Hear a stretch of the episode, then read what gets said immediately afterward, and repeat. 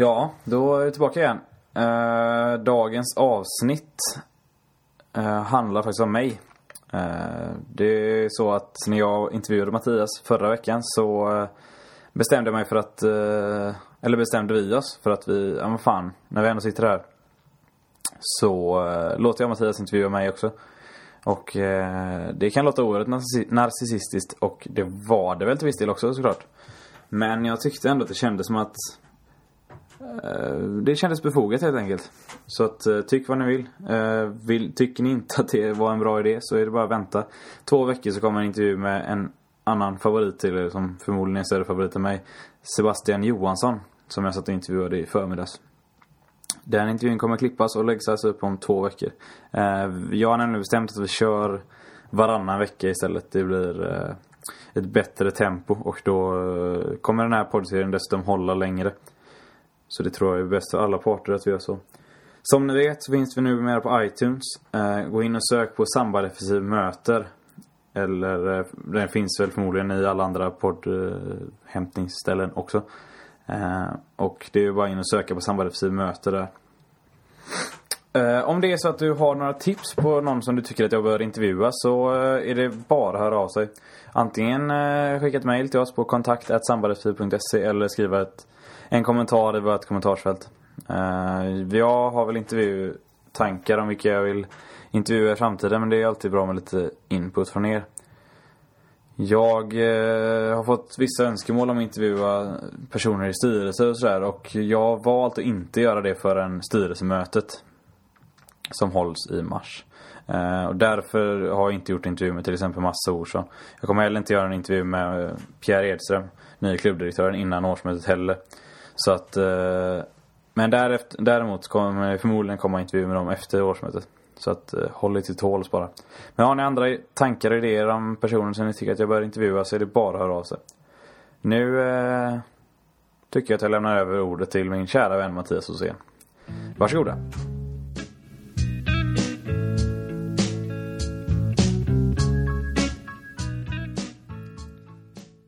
Ja, då sitter vi här den här veckan också, du och jag, Felix. Jag heter Mattias Hosén och eh, har fått äran att eh, vara gästprogramledare idag och intervjua huvudpersonen för den här podcasten och eh, Samba Defensivs hjärta, Felix Jonsson. Det känns ju oerhört narcissistiskt som mig att locka in, alltså så här, eh, säga till dig och intervjua mig. Det är är, det är jag som håller. Ja, Det är också ett rimligt grepp. Jag vet att Kristoffer Triumf, när han hade dragit igång podden eh, Värvet, så sa han att när jag kommer upp i 15 000 följare på Twitter, då lovar jag att Christian Lok ska komma hit och intervjua mig. Fast det var Christian Loks idé tror jag. Mm, och eh, jag vill inte jämföra mig själv med Christian Lok. Eh, men om vi säger att du inte är riktigt på samma nivå som eh, Kristoffer Triumf så är det väl rimligt att du plockar någon som är på samma nivå som du själv. Och eh, då passar det väl att det är jag som får intervjua dig. Ja, det tycker jag absolut. Sen du, fan du är på lite högre nivå än mig. Du har ändå utbildning. Liksom. Nej. Ja, eh, förra veckan så hörde ni mig bli intervjuad. Så har ni inte hört det så får ni gå tillbaks och lyssna om ni vill veta mer om eh, varför jag sitter här. Men idag ska det handla om eh, Felix. Och eh, jag tänker att det här kan nog, om jag känner dig rätt, bli en ganska deppig podd med mycket eh, negativa eh, sågningar av det ena och det andra. Därför så vill jag att du ska börja med att på en minut ge din största kärleksförklaring till varför du är öjsare. Uh, ja, alltså anledningen till att jag blev öjsare var väl att så många andra höll på Blåvitt egentligen. Att det kändes lite mer lite mer indie att hålla på ÖIS kanske. Uh, sen är det väl så här, vi pratade om det förra veckan att att det är väl en närhet till ÖIS ändå. Som, som finns nu och jag tycker att det är så jävla härligt att vi ska i slutet av februari göra en ÖIS-fest där liksom Hans Prytz med sina två söner och Björn Anklev ska spela liksom på scen. Och att jag nu på onsdag ska sitta och, sitta och göra en quiz med, med, med Hasse liksom. Och jag, kan, jag satt hemma hos honom och käkade pizza förra veckan. Liksom. Och att det är så nära. Det tror jag inte att det, det hade inte, liksom inte funkat om jag hade hållit på jag menar, jag bara hållit på ett Premier League-lag. Där är ju träningsanläggningen bommad och stängd. nu har jag liksom behandlat Öjsgården som en fritidsgård mer eller mindre i tre år. Och det går liksom, alltså det finns ju inga det finns inga direkta så här barriärer om jag vill göra någonting med ÖIS. Jag, jag tror ju att jag hade kunnat sitta i omklädningsrummet och göra ett reportage liksom så nära om jag hade velat. Så att det är väl närheten som känns bäst. Men det är klart att man blev ju ÖISare för att de var bra liksom. Alltså när jag var tio år så kom ÖIS tvåa i Allsvenskan. Eh, eller tre. Ja, ni, jag är född 93, så 2002-2003 var det som allra bäst och då, det var då jag blev ÖISare också. Och snart ska ju göra sin tredje säsong i division 1. På Fjärde till och med. Sin fjärde säsong i division 1 på fem år. Vad är det som gör att du orkar kriga på med samba defensiv och eh, poddar som det här? Att det är så jävla lätt att få uppmärksamhet när man ligger där nere. Men nej. Jag tror väl, alltså för mig, jag har inte skrivit om ÖIS mer än en superettan-säsong. Jag hoppade ju på Samba FC 2011 när klubben precis hade gått i konkurs. Så det här är ju någonstans normaltillståndet för mig att skriva om ÖIS eh, när de ligger i division 1. Men det är klart att eh, Christian som skrev för oss förra året och även lite året innan tror jag. Eh, han hoppade ju av när de åkte ur och det har jag full förståelse för.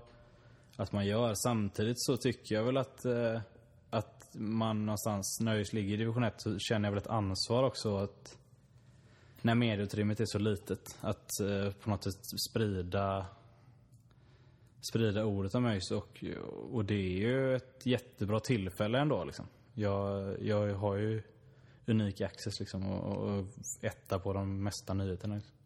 Att det uppskattas av supportrar råder inget tvivel om. Men vad tycker ÖIS spelare och eh, ledarstab om att eh, ha en tjomme som springer runt och behandlar ÖIS som sin fritidsgård? Jag vet faktiskt inte. Jag... Eh, av förklarliga skäl med tanke på hur mycket jag såg att Marcus Lantz så tror jag väl inte att han tycker att det är skitkul. Men eh, jag har fått mycket beröm av Kent och sådär jag, jag har aldrig känt att några spelare har haft taggarna utåt så. Sen kan jag väl förstå att de sådär... Jag hade lite problem i början med att intervjua spelare som var lika gamla som mig liksom. Det kändes ju lite, när jag var 18 liksom. Och in och intervjua Jakob så här kändes väl lite konstigt då kanske men... Jag tror inte att de har haft några problem med det. Jag har inte frågat faktiskt. Men jag tror väl att de... Eh, för dem är det väl också en... Eh, alltså jag sprider... På något sätt tror jag väl ändå att det vi gör är bra reklam liksom. Och det tror jag att de förstår också. Eh, så att jag tror inte att de har något emot det faktiskt. Och då man älskar Agaman så man hoppas ju att de har förståelse för att du är hård ibland också. Ja, och det har jag har väl alltid tänkt så med min kritik att den... Om jag hade kommit med en sån kritik som jag inte kan stå... Alltså jag ska, att jag alltid vill kunna stå för den kritiken som jag ger. Jag vill ju kunna skriva... Om jag ut, liksom uttrycker någonting i text så vill jag ju kunna säga det till spelaren i fråga också. Eh, om det skulle vara så. Och eh, sen har alltså... Typ, man har väl åkt på några sådär allvarliga samtal från, från folk i klubben. Eh, satt på ett kvartssamtal med Ronny Bjärnlind som sitter i Sportrådet för, för, och då var, herregud, det var väl i början av min karriär på Sandberg Eh, och då var man lite skrajsen. Men, och så, så snackade jag en del med Kent och sådär men Men herregud, alltså jag tror inte att Då har ändå inte jag varit så hård i min kritik som Martin Johansson var som skrev innan mig. Som eh, Han åkte in på ett samtal med, med Alexander Mellqvist. Och Mellqvist hotar väl mer eller mindre om att inte in, bli intervjuad av Sandberg mer om inte Martin tog tillbaka det han skrivit om honom. Vi ska återkomma lite grann till eh, baksidorna av att skriva på samba defensiv. Men vi fortsätter på det glada spåret. Vilket är ditt favoritminne med ÖIS någonsin? Ja, vad fan kan det vara? Alltså, till historien hör väl att jag blev ju ÖISare 2002 och 2003 och då gick det ju rätt bra och sen... Men jag började ju inte gå...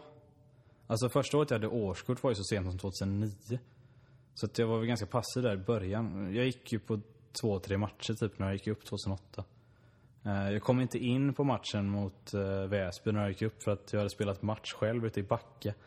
Och så när jag kom till matchen så hade läktaren redan rasat så jag var tvungen att åka hem och kolla på den på TV. Så den har väl inte så, men det måste ju vara någonting under säsongen 2012. Men ett ögonblick där. Eh. Alltså jag... Nej, den var inte heller så rolig. Vad ska jag ta? Jag tror väl ändå att den euforin som var... Jag satt ju i och för sig på pressläktaren när de gick upp mot Karlstad där, men när man fick reda på att, att Oddevold hade spelat lika eh, mot Lund. Och de gick upp redan i paus där. Det, ja, den känslan slår nog ingenting tror jag. Det får ändå vara. Vem är din favoritspelare i ÖIS någonsin? Pavel. Utan, Savadil. utan tve- Ja, jag vet faktiskt inte riktigt varför. Jag satt och kollade på en video med honom igår. Eh, han spelar ju Tjeckien numera. Jag vet faktiskt inte riktigt varför. Jag har väl aldrig sådär, det är klart att jag tycker om Marcus Albeck och sådär. Eh, det är ju svårt att inte göra det som Eriksen, men men det var någonting med Power som kändes jävligt internationellt och han kändes ju...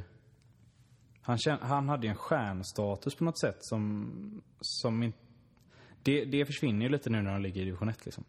För jag, det är ju svårt för mig att liksom idolisera någon av spelarna nu. Inte så mycket stjärnstatus över Kristoffer Bengtsson. Kristoffer Bengtsson är också en favorit i och för sig, men det är inte för att han har någon stjärn. Det glimmar ju inte om honom liksom. Eh, men nej, jag får nog säga Pavel Savadil. Eh, Ingen riktig anledning egentligen, men... Vem det var ju coolt med någon som inte kunde svenska också. Han kunde ju inte engelska heller. Det var, kändes ju jävligt ballt på något. Vem är din favorit i ÖIS idag? Ja, vem kan det vara? Jag röstade ju på Sebastian Olsson som årets spelare, men jag tycker väl inte att det är sådär... Det är ju inte bara den som är bäst, det måste ju vara något annat. Nej, Nicolas Sandberg alltså. Tror jag ändå. Han har inte varit speciellt bra i år, men eh, jag tycker dels att han är rolig att intervjua. För att han är ganska spontan och sådär. Och sen så, så att han har spelat i ÖIS sedan han var sju år liksom. Det är väl också en grej. Och att man sådär...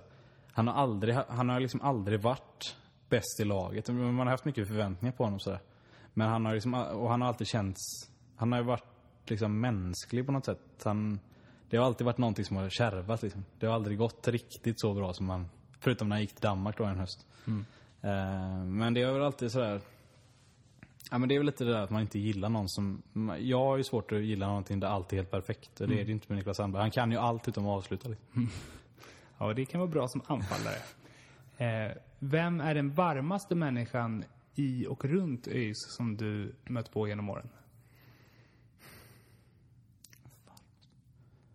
Eh.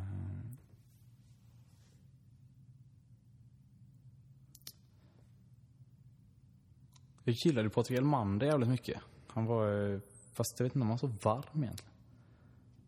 Nej, Walter Thomas Junior får man ändå säga. Alltså, fruktansvärt ödmjuk och... eh, Kändes genuint snäll liksom. Inte det en gubbe som... Eh, det är väl lite märkligt att han inte finns kvar inom ÖIS-organisationen idag. Jo, verkligen. Och speciellt med tanke på att han är liksom utbildad personlig tränare så känns ju han som ett drömnamn att ha in som fystränare liksom.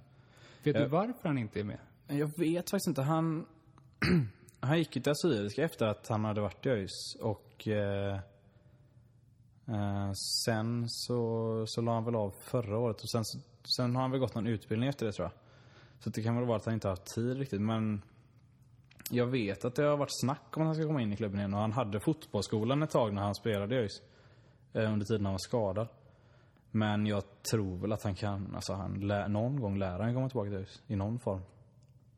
Eh, det är ganska mycket mörker eh, runt ÖIS nu för tiden. Men eh, vad, var ser du den största potentialen i, inom klubben idag? Ja, alltså... Supporter, alltså den här vintern känns ju som att om bitarna faller på plats så kan det bli en vinter att minnas liksom. För att det är sånt jävla go i supporterleden nu. Vi, jag menar, Östra Stå är på väg den här, en ny supporterorganisation liksom, ett nytt supporterinitiativ. Uh, eh, vi har den här festen i slutet av februari. Det känns som att det, det bubblar ju ändå och kommer bytas ut en styrelse. Uh, Björn Anklev och uh, Klingberg har kommit in som känns som, som det kan bli supporterfavoriter. Så, och det är många supportrar som vill rösta in liksom representanter i styrelsen. Så, där, så att jag tror väl ändå att liksom, via medlemsdemokratin så tror jag att vi kan pusha fram en förändring som kan bli jävligt bra. För jag tror, alltså hade ju inte haft en aktiv supporterbas som man nu kommer få, eller som man har och som nu kommer liksom skrida till verket så, så hade man nog. Och det är, med tanke på hur misskött klubben har varit de senaste åren så borde man ju inte liksom med liksom moderna fotbollsnormen borde man inte ha några supportrar överhuvudtaget.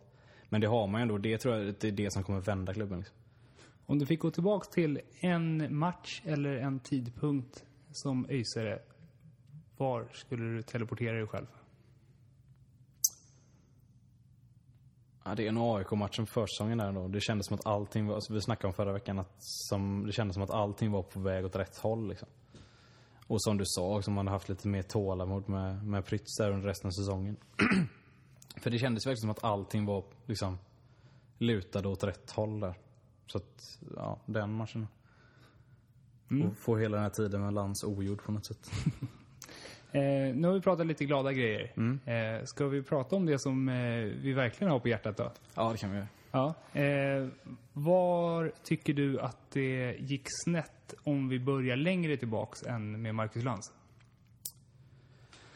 Eh, jag, om jag ska ta ut ett ögonblick sådär så tror jag väl det var när man satsade jävligt mycket pengar på på liksom Alvaro Santos och att man inte om man ska ta ut en match så, så det är klart det är ju dels det gick så dåligt i premiären där 5-1 förlusten mot Gais i Allsvenskan 2009.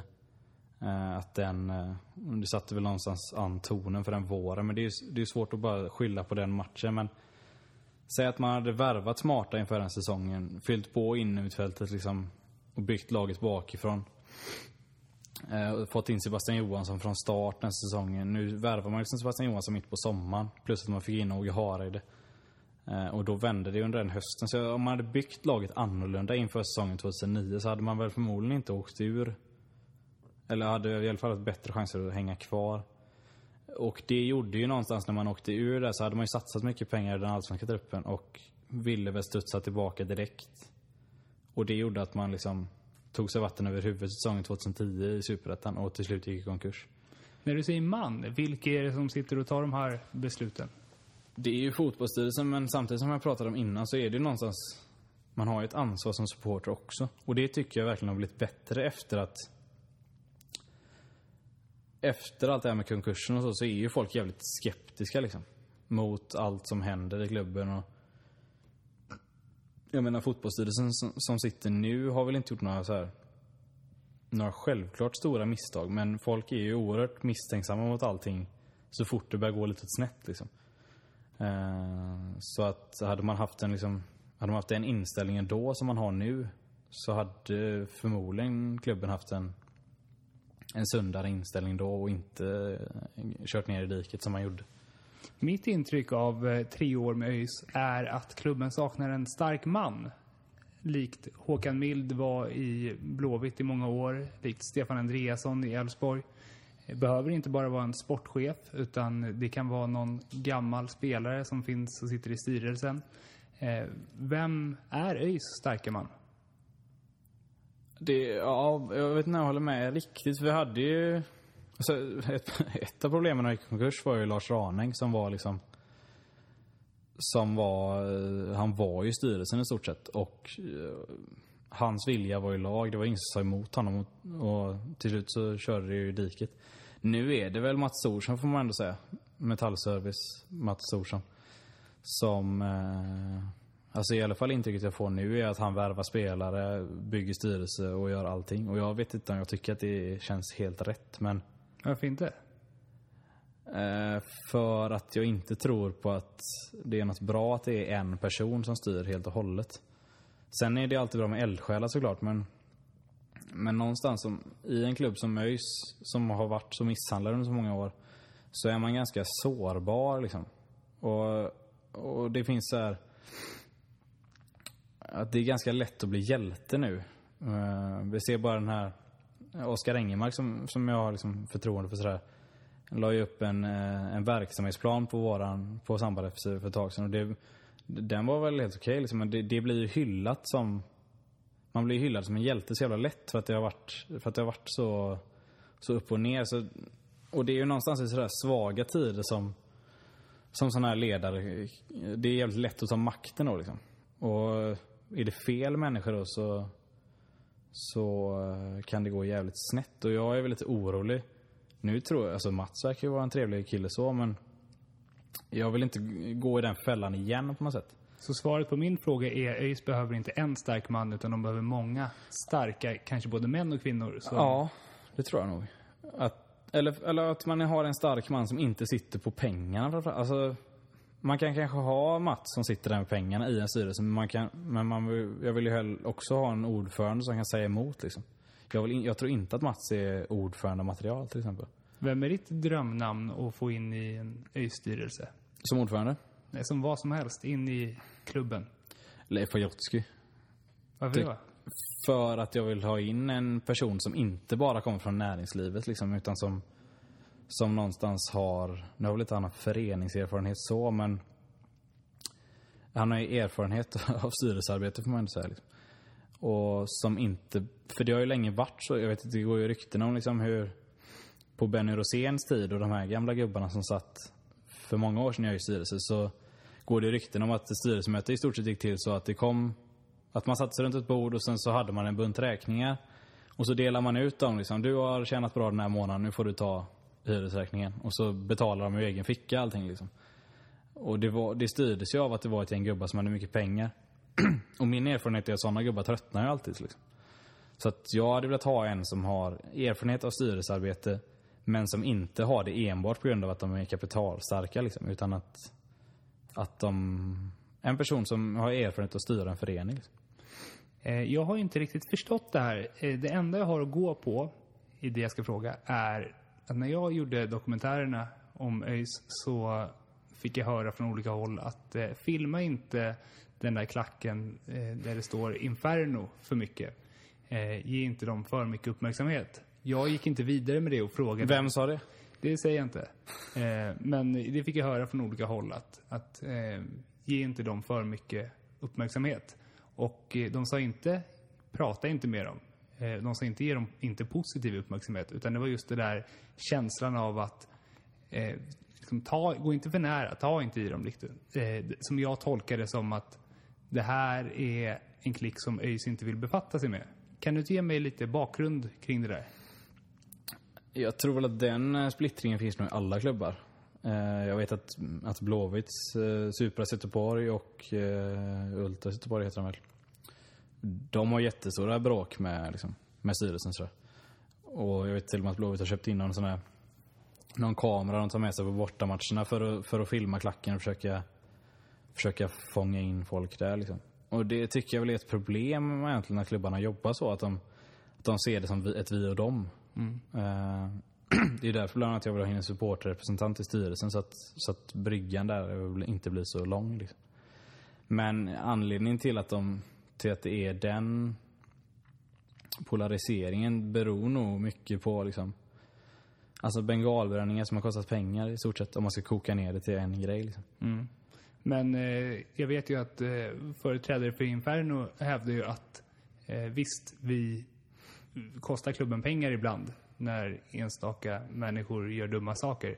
Men vi är också en av ÖIS starkaste krafter genom att vi alltid står och sjunger och åker på alla bortamatcher. Eh, hur ser du på hela den diskussionen? Uh, jag håller nog med Inferno faktiskt. För jag, alltså, en bränning kostar 25 000 kronor ungefär.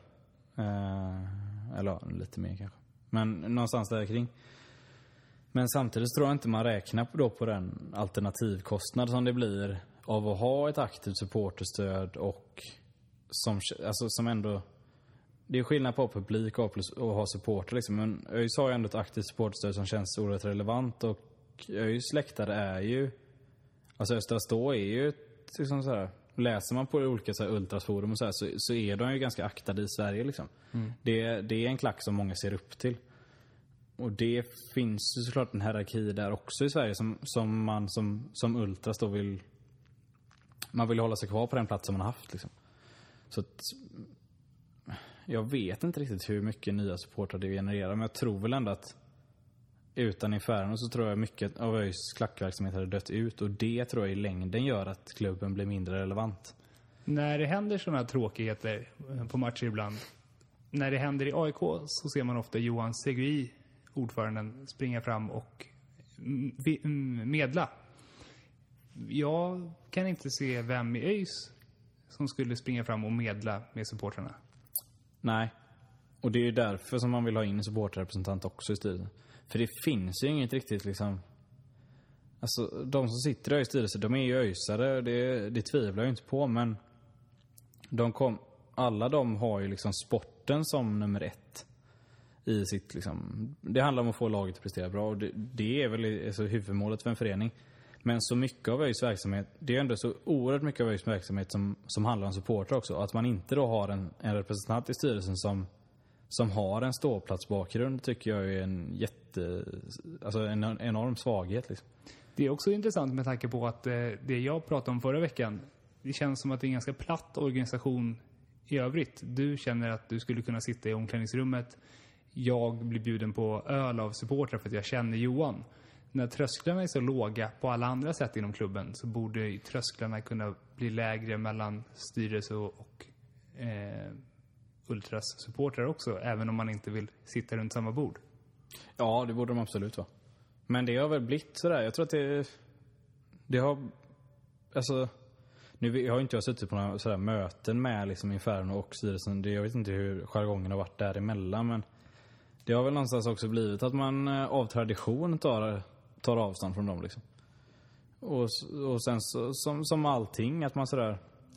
Ja men det har varit så här och nu, nu fortsätter vi då en hjulspår. Jag tror att det är jävligt farligt och och inte hela tiden försöka pröva och gå över, alltså gå över där och, och föra en dialog liksom. För, för de som står, som är med i Inferno har ju stått där mycket längre än många har suttit i styrelse liksom. Men vi ska inte lura någon. Alla supportrar är inte helgon. Nej. Eh, hur trött är du på troll på Samba defensiv? Alltså, alltså det har nog blivit bättre faktiskt.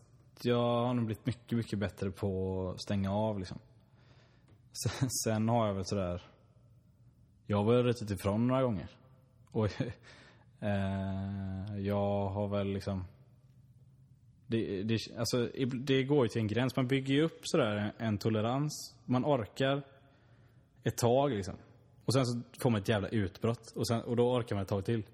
Så att... Eh, det, finns, det finns ett jävligt roligt klipp med, från 100 höjder med Filip Fredrik när eh, du har väl sett alla avsnitt där antar jag? Med Clifton Fexmo. Mm. Jävligt smala referenser där. När, eh, det är i alla fall en kille som han ska träffa som heter Clifton Fexmo. Jag kommer inte ihåg vad hans, hans eh, grej är väl att han sätter in massa annonser i tidningar. Och eh, då ska Olle Palmelöv ta första, första kontakten här som är producent. Och han håller på hur länge som helst och liksom försöker vara diplomatisk med den här gubben som bara är grinig och jävlig. Eh, och det slutar med att eh, Olle Palme säger till honom Din trötta jävla fittskalle kan inte bara lyssna på mig nu. och, jag, ibland är det nu har jag väl inte skrivit exakt så men Ibland är jag ju grymt sugen på att bara få ett sånt utbrott för att orka lite längre sen. Eh, jag vet inte om jag fått det någon men jag, Jo, det fick jag nog i, i samband med när jag skrev om Sverigedemokraterna och det där. Mm. Så fick jag nog något utbrott som kanske inte var helt försvarbart men och med sam, det kan de fan ta alltså. Och då syftar du på när Kristianstad hade låtit eh, sam, eh, Sverigedemokraterna annonsera i deras matchblad eller i lokaltidningen inför jag matchen. Ja, de var väl med i annonsen man har sett ja. Som, som, som matchsponsor. Mm. Och det tyckte du inte hade med fotboll att göra och eh, tog då en bild på den annonsen och la upp på Samba Defensiv och eh, ville då få med ÖISarna på att det här var inte bra gjort av Kristianstad. Ja, precis. Och då tyckte många i kommentarsfältet att eh, Felix blandade inte ihop fotboll och politik. Nej, precis. Och läser man det i kommentarsfältet så låter det som att jag är med i revolutionära fronten liksom. Så är det ju inte. Utan jag...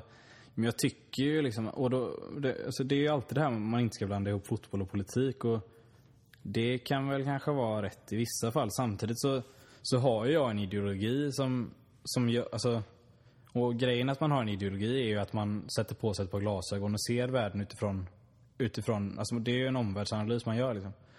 Och då är det svårt för mig att bara plocka av med dem och liksom bara skita i allting så fort det handlar om fotboll.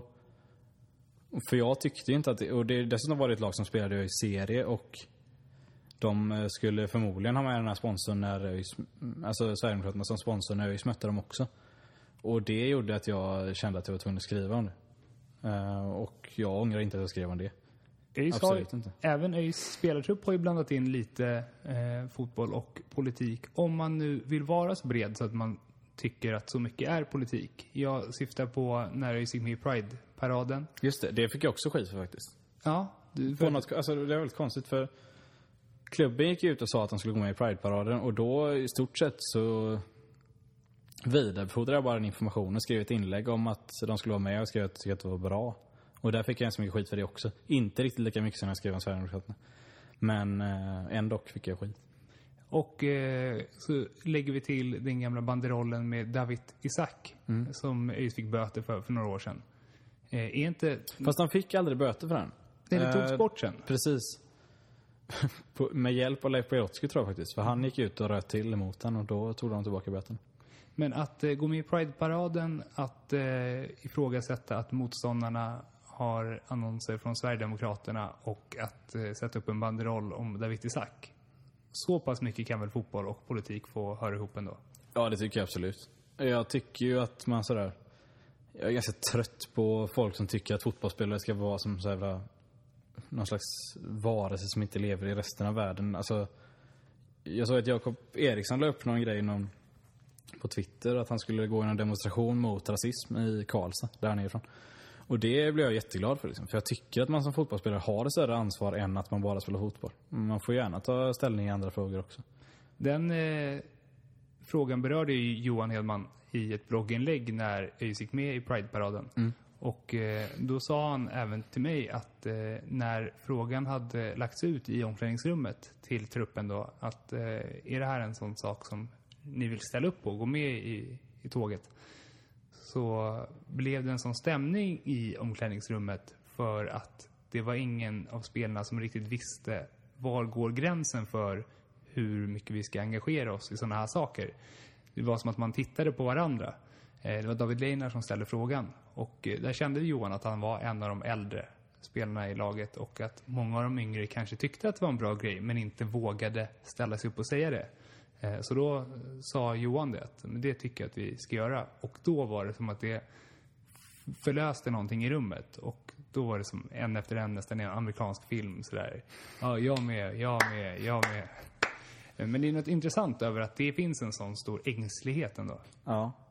Ja, och det är fan, jag tror att eh, man, i musiken har man ju sett en sådär. Det har ju varit blivit en skillnad sen Sverigedemokraterna kom in i riksdagen. Att det liksom, för några år sedan så var det inga artister som tog politisk ställning.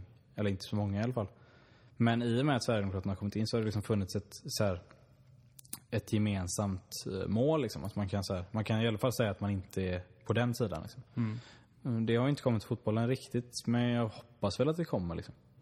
Eh, Däremot Kommer jag få massa skit för det av lyssnare sen. Efter Det kommer vi säkert eh, få också jag eftersom jag låter det lysa igenom vad jag tycker. Men eh, det kan väl också vara tydligt med att här, även om det är våra åsikter så finns det säkert öjsare som är eh, Sverigedemokrater. Men eh, på något sätt så är väl det också det som är det fina med fotboll, kan jag tycka. Att eh, man får plats på en läktare även om man inte tycker samma saker.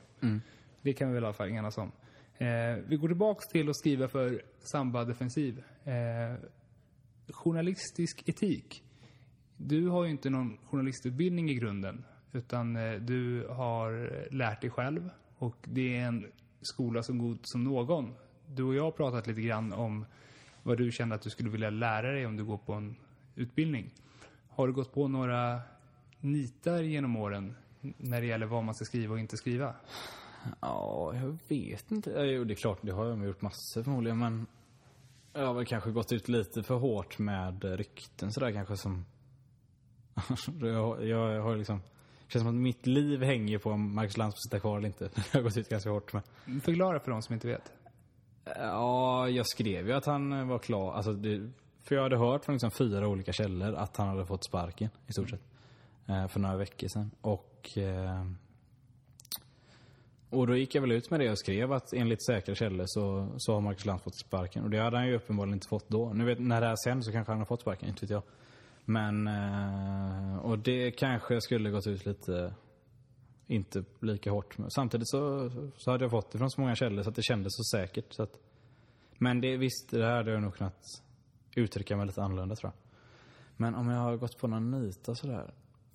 Jag vet inte. Vi var ganska tydliga med tidigt att jag fick ju lite tips från de som skri- hade skrivit tidigare.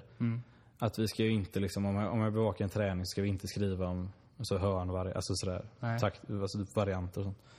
Eh, så det har vi väl alltid sagt att vi inte ska göra.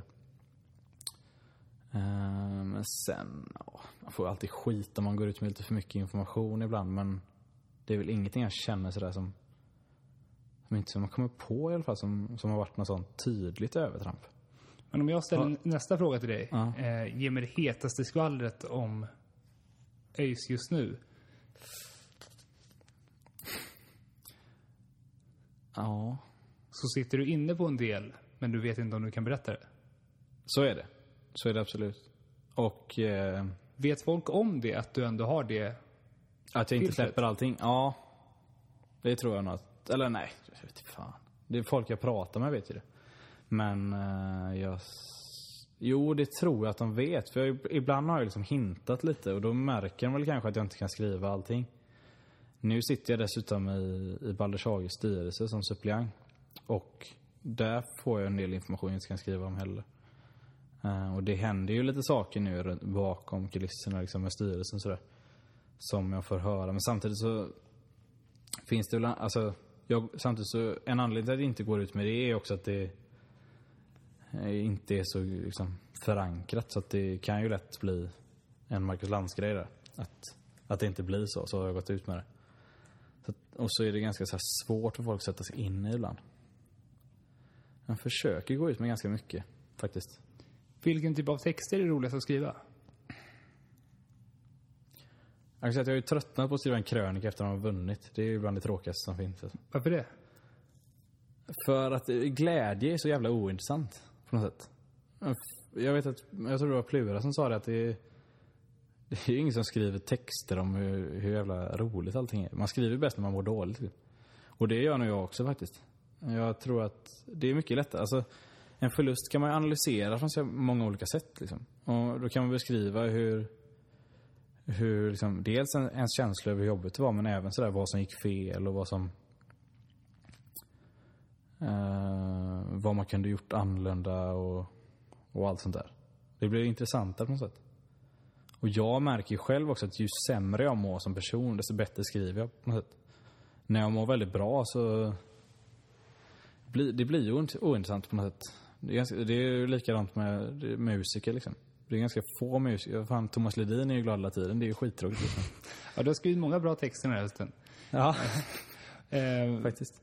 har du någon gammal anekdot så som eh, du sitter inne på som inte passar sig att skriva på samma defensiv idag, apropå ingenting? Ja, vad fan kan jag ha där?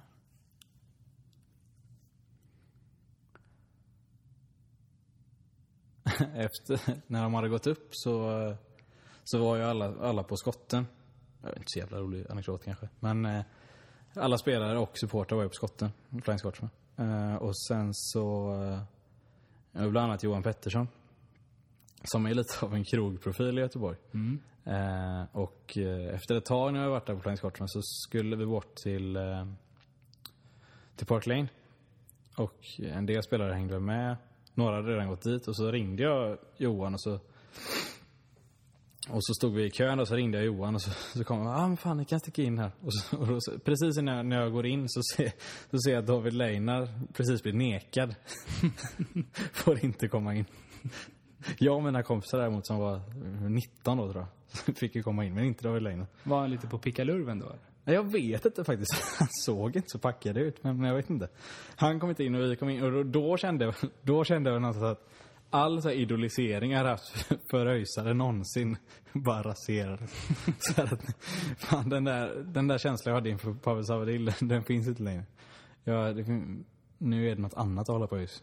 Nu är det inget idolskap längre, utan nu, nu är det jag som kommer in på Park Lane och inte dem. Eh, Jag tänker att du ändå har fått höra en del eh, gamla skrönor av folk inom styrelsen och i Baldershage eh, genom åren. En del grejer har du berättat eh, för mig. Eh, bara för någon vecka sedan så länkade du till någon rolig historia om Björn Anklev. Kan du inte dra den? Ja, just det. det var, den la jag väl upp på Instagram till och med. Det var ju en kille som heter Mikael Högfeldt som... Jag vet inte varför han hängde med på bortamatchen då, men han, jag tror han jobbar som typ eh, publikvärd eller någonting. Eh, han hade, det var när han varit uppe i Sundsvall och jag tror att det var sista matchen inför... Eh, för, eh, inför sommaruppehållet. Så att de skulle ha några veckor ledigt i alla fall. Eller om det var inför något landskampsuppehåll eller någonting. Eh, och då hade de suttit i lobbyn där uppe. Han, Björn Nilsson som jobbar på Öjsgården och eh, Jan Andersson, Party-Janne som var tränare på ÖIS på den tiden. Eh, och eh, Jan Andersson hade sagt att eh, nu ska in, nej, jag ska inte ta halländska. Men då har han sagt att om inte spelarna går ut och tar några bärs ikväll så blir jag fan besviken. Några sekunder senare så kommer Björn Anklev ut med en bärs i varje näve. och går förbi Janne och Janne Andersson säger att han var fan Björn. Och Björn bara, du coach. Vill du med någonting så sitter jag på parkbänken där ute. Han hade inte ens stannat på vägen. Det är gött att ha sådana spelare tillbaka. Och mitt intryck av Björn Anklev är ju faktiskt en favorit också. Han är ju uppe och snuddar på Pavel Savril-klass. Kanske ska, de hade ju mm, i Häcken-TV så hade de ju ett inslag med TV Anka eh, med Björn Anklev. Jag tänker att ni kanske kan eh, fixa någon slags ÖIS-TV med eh, Björn Anklev. Ja, fan alltså Studio ÖIS är ju... Det går ju att utveckla det så jävla mycket alltså. Det hade varit kul att göra någonting där faktiskt. Kanske ska... Björn är ju grymt tacksam att göra sådana grejer också. Och eh, jag tror att det är många inom mig som skulle vara tacksamma att göra sådana här saker med. För jag har ju fått höra extremt mycket härliga historier och fått se en del historier eh, som har blivit historier med, med ÖISare genom åren. Framförallt när de har vunnit lördagsmatcher så har de ju gått ut och slirat duktigt. Jag vet ingen i laget som dricker dagen innan, eh, druckit dagen innan match någonsin. Tommy Lysén hade ju vissa rykten om sig och inte spotta i glaset i alla fall. Ja, det kan jag tänka mig i och för sig. Eh, men, Dock ganska städad när han gick upp. ja, ja. Men det kanske var lite av amatörernas afton för honom. Jag vet inte. Ja, för efter eh, vinsten mot eh, Östersund förra året så var det ju som sagt Håkan Hellström-konsert där på kvällen. Eh, och efter vi hade varit på den så det var ett gäng öisare med. Så gick jag ut med Sebastian Olsson. Eh, och eh, lite längre fram på gatan så ser vi en eh, tjej snubbla på, på trottoaren och ramla omkull. Och Sebbe ropar gult kort, filmning. Och det är mycket sånt överhuvudtaget. Eh, när de kommer. Jag vet att Johan har sagt att hans topp tre bästa tillfällen i ÖIS har varit när de har haft en lugn träning dagen efter det har varit en gemensam lagutgång. De alltid har jävligt mysiga och roliga historier bara sitta och berätta för varandra. Bland annat den där om du har hört när, som Johan bloggade om, tror jag, med när George pröjsade taxin för alla, alla yngre spelare. Nej. Eh, För att han hade, han tyckte att han hade tjänat så mycket då, George Morad, under sin tid som utlandsproffs. Så när ÖIS skulle på en lagutgång, efter de hade haft inkilning. Fan, nu var det en historia som bara svischade förbi huvudet som jag glömde. Men fortsätt du. Ja, när de skulle på en eh, lagutgång då på, på Park Lane efter de hade haft inkilning eh, så beställer de tre taxis och George betalar allihopa för att han tycker att de yngre spelarna inte ska behöva ta från sina små löner. Fan, det är härligt ändå när det, liksom, det är sådana otroliga kontraster mellan George och de andra spelarna känns det som. Han har ju varit på en nivå som ingen annan har varit. Liksom. Ja, nu har sig Klingberg och Ankle varit där uppe men, men det, division 1 är ju verkligen en serie där de möts sådär. Nerifrån och, så- och folk som har haft en jävla karriär. Liksom.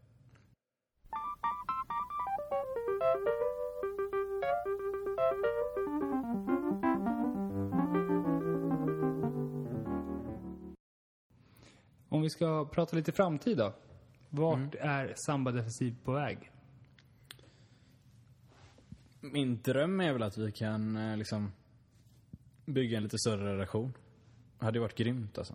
Nu, jag, det låter ju som att jag är samarbetsgivare. Vi är ju faktiskt två till som skriver en hel del just nu. Vilka är de andra två? Jonathan Larsson och Thomas Levin. Thomas Levin gör ju mest intervjuer efter matcher för det. Och Jonathan är väl lite mer ståplatssupporter än mig och skriver lite mer den vinkeln liksom. Men jag, jag, alltså jag hade velat plocka upp en lite större redaktion så att man hade kunnat fördela ansvar lite. Så man hade kunnat göra lite annorlunda grejer liksom. För jag är ju ganska trött på att skriva både träningsrapporter och så här, efter match. Liksom eh, match, matchreferat sådär. Man kan fördela ansvar lite där. För det kände jag att jag och Christian gjorde jävligt bra eh, förra året. Då kunde liksom... Då visste man vad man skulle göra så kunde man liksom mm, improvisera lite mer tiden utöver det. Fast samtidigt så, så det är väl det är, liksom så här, det är ju målet på något sätt. Men ofta min eh, eller min så här erfarenhet är väl att det ofta blir så att om man är flera stycken så är det ändå bara några som... Det är svårt att få liksom hel, en hel redaktion att jobba så att man så fördelar ansvaret. Utan det blir lätt att det är några som får ansvaret. Så där. Men eh, det hade varit grymt om man kunde bli några fler och dela upp ansvaret lite. Vilka typer av texter förväntar sig läsarna först och främst? De vi har som är fasta är väl liksom eh, en träningsrapport inför match och referat efter match. Det är väl egentligen bara de två som vi har som är... Sen finns det så alltså... Vi har väl försökt med betygen men det är ju svårt. För att om det är bara jag som skriver så vill inte jag sätta alla betyg själv utan det är bäst att vara två liksom. Eh, och Och har vi- betyg berör ju. Ja, verkligen. Det, kan ju, det, är ju, det är ju ganska intressant med betygen då. Att det blir ju ofta en vattendelare. Och kan skapa lite diskussion. Det ska jag säga också att med kommentarsfältet, det är ju lätt att liksom Alltså säga att det bara kommer upp massa skit där. Men hade vi inte haft kommentarsfält så tror jag inte att jag hade skrivit på Sandberg längre. För att den, alltså den responsen och det berömmet man får där liksom. Tror jag, alltså det är ju det jag lever på liksom. I och med att jag inte får en jävla krona för det så hade det varit, känts otroligt dö för att du inte får någon respons heller liksom. Ska man väl inte säga att bara för att man får lön så jobbar man ändå men men jag tror väl att den responsen gör att man vill fortsätta ändå. För att det är jag får ju oerhört mycket beröm också. Eller det mestadels är det beröm liksom. På tal om betyg, när eh, Glenn Hysén fick 6 plus mot England på Wembley 88. Vet du vad mittbackskollegan Peter Larsson fick då? Nej. 1. Ja, hur fan. Alltså det där... Jag har tänkt på det ganska mycket. Att försvarsspelare är nog de som...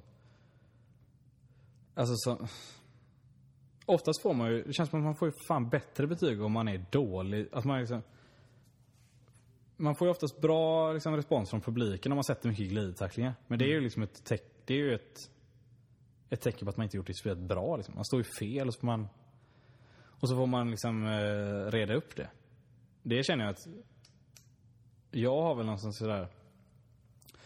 Jag var ju ståplatssupporter länge och det är väl eh, då och då nu också. Men jag har ju flyttat mig mer och mer åt pressläktaren jag känner att jag har ett ansvar på något sätt att... Att försöka inte gå på klyschorna som man lätt gör när man står på ståplats. Liksom. Som exempelvis. Nej, men... eh, Vissa spelare blir ju lätt antingen eller. Jag känner att Jakob Lindström, antingen så älskar folk honom och vill ge honom femmor varenda match. Eller så, och, då, så, och så var det ju länge liksom. I och med att han kom upp så tidigt och att han... eh, Att han liksom... eh, Vad ska man säga?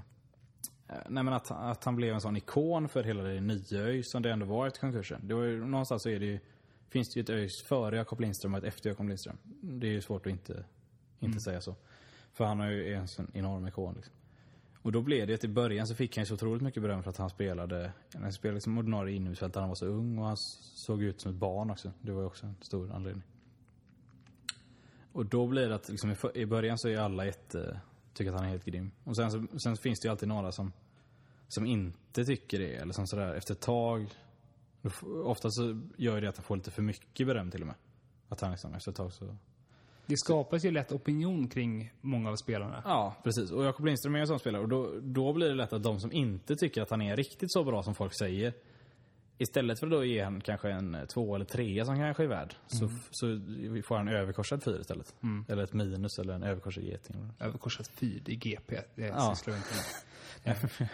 Nej men sådär. Eller vad fan är det? En plupp i Svenska Dagbladet. Eh, men eh, det där vet jag, jag... Jag tycker att det är väldigt intressant hur man påverkar varandra också i kommentarsfälten. Eh, och det känns ofta som att det är de spelarna som inte är i startelvan för tillfället när laget går dåligt som eh, blir mest efterfrågade. Under hösten här så har ju folk tyckt att det är Frans och Johan som ska vara räddningen. Att sätta in de två så kommer det här börja gå bra igen.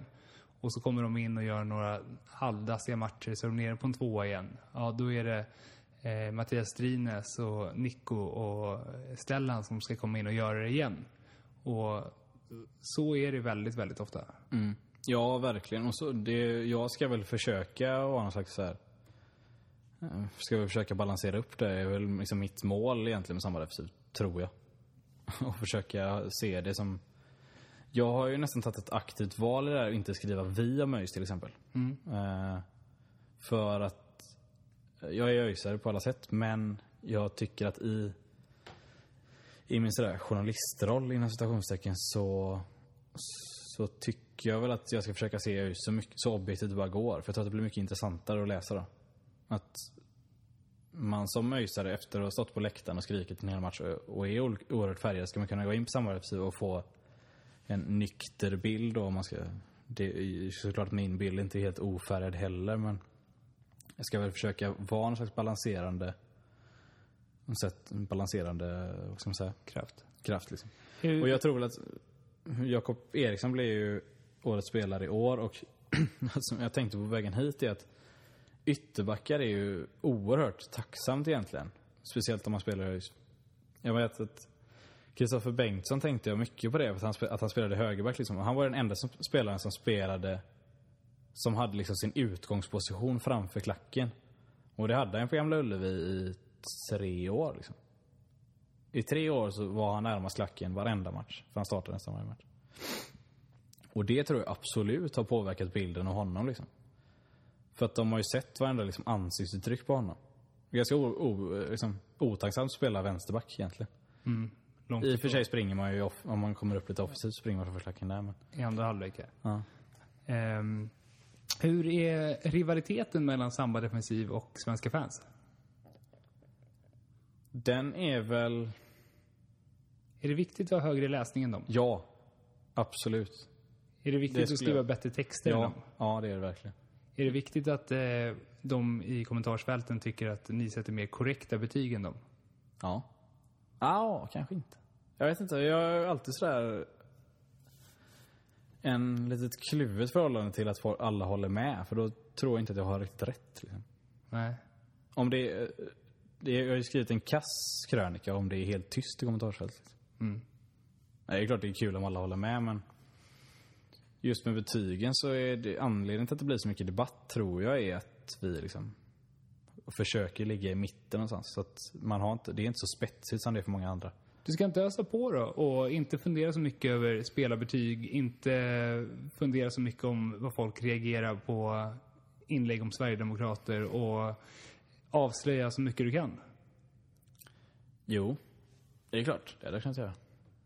Samtidigt så är man så jävla nära klubben också. Så att jag vet inte vad det hade... Jag har fått en del skit också men jag vet, jag vet inte. Jag är lite kluven till det där om man ska försöka hålla sig, hålla sig lite väl med klubben ändå. Jag vet, jag vet inte riktigt. Så här, om, om det kan skada... För, alltså avslöjar jag mycket så antar jag att det kommer göra att jag inte får reda på så mycket sen. Man ska vara lite försiktig där kanske. Men just betygen så vill jag vara balanserad. Det vill jag ju. Så Men- vill man inte bli helt jävla rabiat heller för då kommer man ångra så sjukt mycket grejer man skriver. Men eh, klart är ju i alla fall att varken Samba Defensiv eller Svenska fans kommer göra en kritisk granskning av ÖIS. Det är ni för nära dem för att göra. Eh, Nej, det hoppas jag inte att vi är. Jag hoppas inte att vi är det i alla fall. Tror du inte det? Om jag, du, jag, befa- jag en- befarar att vi är det, men jag vill ju inte att vi ska Om du skulle göra en gais granskning som Anders Bengtsson gjorde i Offside för några år sedan Mm. av Gais där styrelsen fick avgå så småningom. Eh, skulle tillgången till dig för, inom ÖIS vara densamma? Nej, det skulle den inte. Skulle du då kunna göra Det skulle det nog inte vara, nej. Alltså, tank, alltså jag försöker ju avslöja ganska mycket ändå. Liksom. Men det är klart att jag, jag har ju inget Janne Josefsson-förhållande till ÖIS. Det hade jag ju velat ha liksom. Verkligen. Vad skulle man hitta Eller jag hade ju velat göra... Om man grävde lite? Ja. Ja, vad hade man hittat då? Jag vet inte riktigt egentligen vad man hade hittat. Eh, förmodligen hade man hittat mycket eh, knepiga kontrakt tror jag. Jag tror verkligen att kontrakten hade gått att gå igenom och göra... Alltså där hade man kunnat göra en rejäl granskning faktiskt. Fast jag vet inte riktigt om det är någonting som hade kunnat... Styrelsen får så jävla mycket skit ändå. Så jag vet inte. Det känns som att de är ganska dåliga på att dölja det så det kommer nog ut ändå. Men det är klart att Alltså det lockar mig med att göra en ordentlig granskning, det gör det ju verkligen. Om man skulle göra djupintervjuer med 20 gamla spelare som var i klubben för fyra år sedan som inte är där idag. Vad hade de berättat? Det värsta är att jag tror inte, att de, jag tror inte att de har berättat så jävla mycket. För att... För att de känner fortfarande lojalitet liksom, mot många spelare framför allt. Uh, jag kan ju säga att jag, jag ville ju haft med Emil Karlsson i den här podden och han var inte så sugen på att ställa upp just nu med tanke på, på alla spekulationer som är runt tränare och sådär. Han ville inte bli en del av det. Så att jag vet inte riktigt vilk, vad man hade kunnat få fram. Jag är rädd att man inte får fram så mycket men det där känner jag också är en brist att jag inte har gått någon utbildning. Att jag inte har lärt mig gräva riktigt. Nej. Eh, Jag, kan ju, alltså, jag får ju fram en del spelarrykten och sådär men jag hade velat bli bättre på liksom Alltså få få verktyg och gräva i ekonomin framförallt. För där känner jag att jag är riktigt dålig faktiskt. Eh, Jag kan inte speciellt mycket. Alltså jag hade inte kunnat gå in och göra en kritisk intervju med en styrelserepresentant utan att bli bortkollrad i siffror och sånt. Tyvärr. Hur hade den eh, tagits emot, den här potentiella granskningen av supportrar? Det är en intressant fråga faktiskt. Jag tror väl att den hade tagits emot ganska väl för att som jag sa innan så finns det en, efter konkursen en sån enorm skepsis mot klubben liksom. Så jag tror att den har tagits emot ganska väl faktiskt. Eh, men samtidigt så finns det ju alltid folk som liksom om jag skriver något kritiskt mot klubben nu så är det ju alltid folk som tycker att det skadar klubben. Att jag, liksom så här, jag har ju fått liksom mail från styrelsemedlemmar som som är så här, ja men vi tror, du, du, håller, du är väl öjsare ändå? Du håller väl på ÖIS liksom? Ja, fan det gör jag väl men ni kan ju inte hålla på hur som helst för det liksom. Sköt er så kommer ni inte, så kommer ni inte få någon skit eller liksom. Varför sitter vi här och, och om du älskar ÖIS och hejat på dem som barnsben och jag ändå känner någonting för dem. Eh, varför sitter vi här och har så tråkig ton kring alltihopa? Kan inte det provocera folk? Det tror jag absolut ja. Fast är inte det lite sådär känns som många fotbollssupportrar har det i förhållande till sin klubb liksom. Och det är väl som vi pratade om innan, att det blir, alltså glädje är ganska ointressant. För att, alltså, det är jävligt gött att vara glad liksom. Och det är jävligt härligt men det är inte så intressant egentligen. Alltså det är ju, det är ju säll- om man sitter och har ett långt samtal med en person så, så är det ganska sällan som det samtalet bara är positivt liksom. Det är, mm, alltså efter ett, ganska snabbt så kommer man ofta in på antingen snacka skit om människor eller om någonting som har hänt eller sådär. För att det är ganska mycket intressantare egentligen att sitta och, och vara negativ på något sätt och, och vara kritisk mot saker och ting. Och vi pratade, jag har en, en släkting som håller på med lite, uh, ung släkting, han är, vad fan är han? Går i nian. Som skriver, håller på att skriva raptexter så, här. så att vi snackade om det, var hemma hos dem och hade lite advent, adventslunch nu för några dagar sedan. De snackade om det att han liksom, han tyckte det var mycket roligare att skriva kritiskt liksom. När han skrev sina raptexter. Alltså, Och då sa jag det att fan, det, jag känner precis igen det där för att glädje är inte så intressant. Tyvärr. Det är det är därför man är lite sådär deppig som person. Men eh, eh just som utgångspunkt för att skriva och prata, eller sådär, föra en intellektuell diskussion så tror jag inte att glädje är så, så eh, givande faktiskt. Det, den invändningen som många skulle kunna ha är ju att eh, om du verkligen är öjsare i hjärtat så ska du ju hjälpa klubben snarare än att stjälpa den genom att klanka ner på folk till höger och vänster och fundera över granskningar som skulle kunna få folk att avgå och så vidare. Och varför vill du att Marcus Land ska avgå och så vidare. Vad skulle du svara till dem? Att jag tror att det är... Nej men det är bara att kolla på vad som hände innan konkursen när folk var väldigt sådär... Man litade på... Nu tycker jag inte att man ska ha som, som motto inte lita på en enda människa som, som Olof Lund har till det, Jag tror att det är en bra inställning egentligen att ha. Men jag tror väl att... Alltså jag tror att de flesta, eller jag hoppas att de flesta förstår att, alltså där, i längden så är det alltid bra att vara lite kritisk. Sen så måste man ju folk, ge folk tid såklart. Men eh, jag tror att en granskning i längden är positiv liksom. Att det är, sådär, det är liksom självsanerande på något sätt. Och speciellt när ÖIS ligger där de ligger så kommer det inte vara någon annan som gör en granskning av klubben. Liksom. Nej, jag tänker att det, det skulle skälpa eh, klubben och supportrarna snarare att eh, sitta här och applådera när, det är någon, när man befinner sig på ett ställe där man inte vill vara. Ja, verkligen. Alltså, det är ju egentligen ett...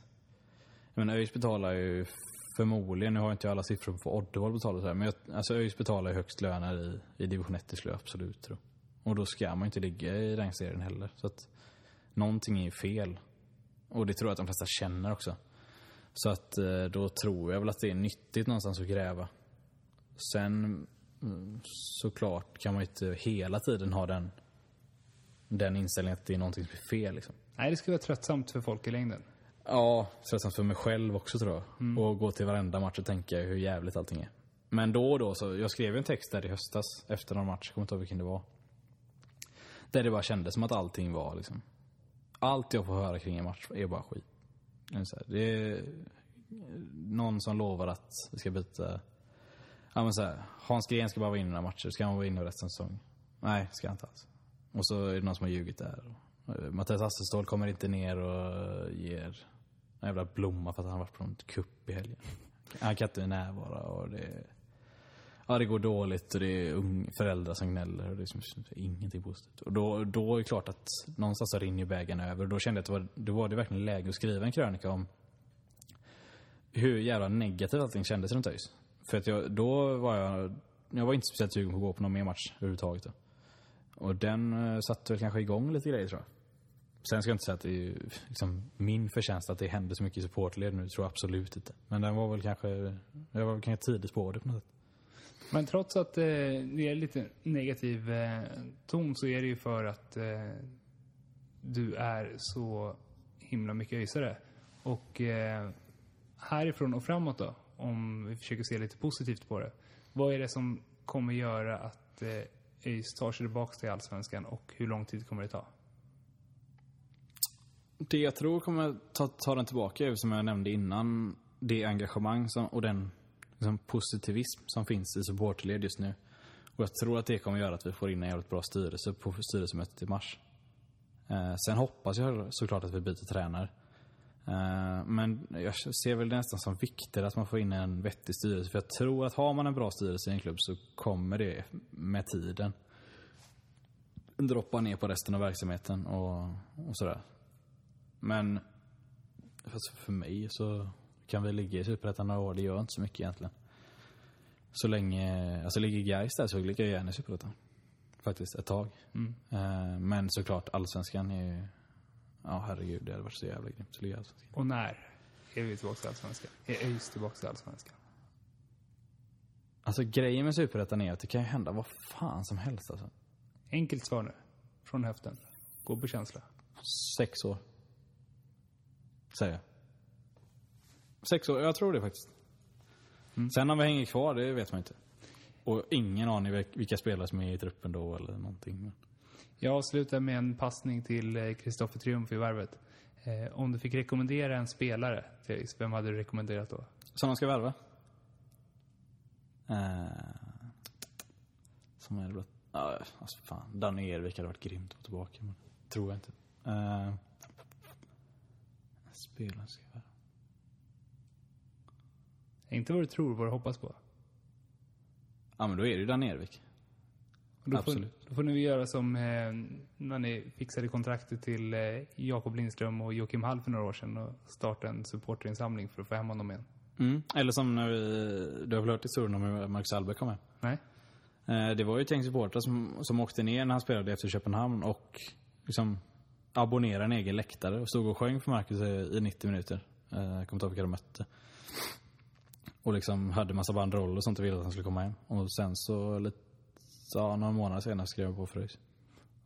Du bara abonnera en eh, läktare nere på Listerlandet och ner i Superettan nästa år på en trött bortamatch mot eh, AFC så har ni eh, där nere vid hemma igen. Ja, det hoppas jag verkligen. Ska vi säga så? Ja, det gör vi.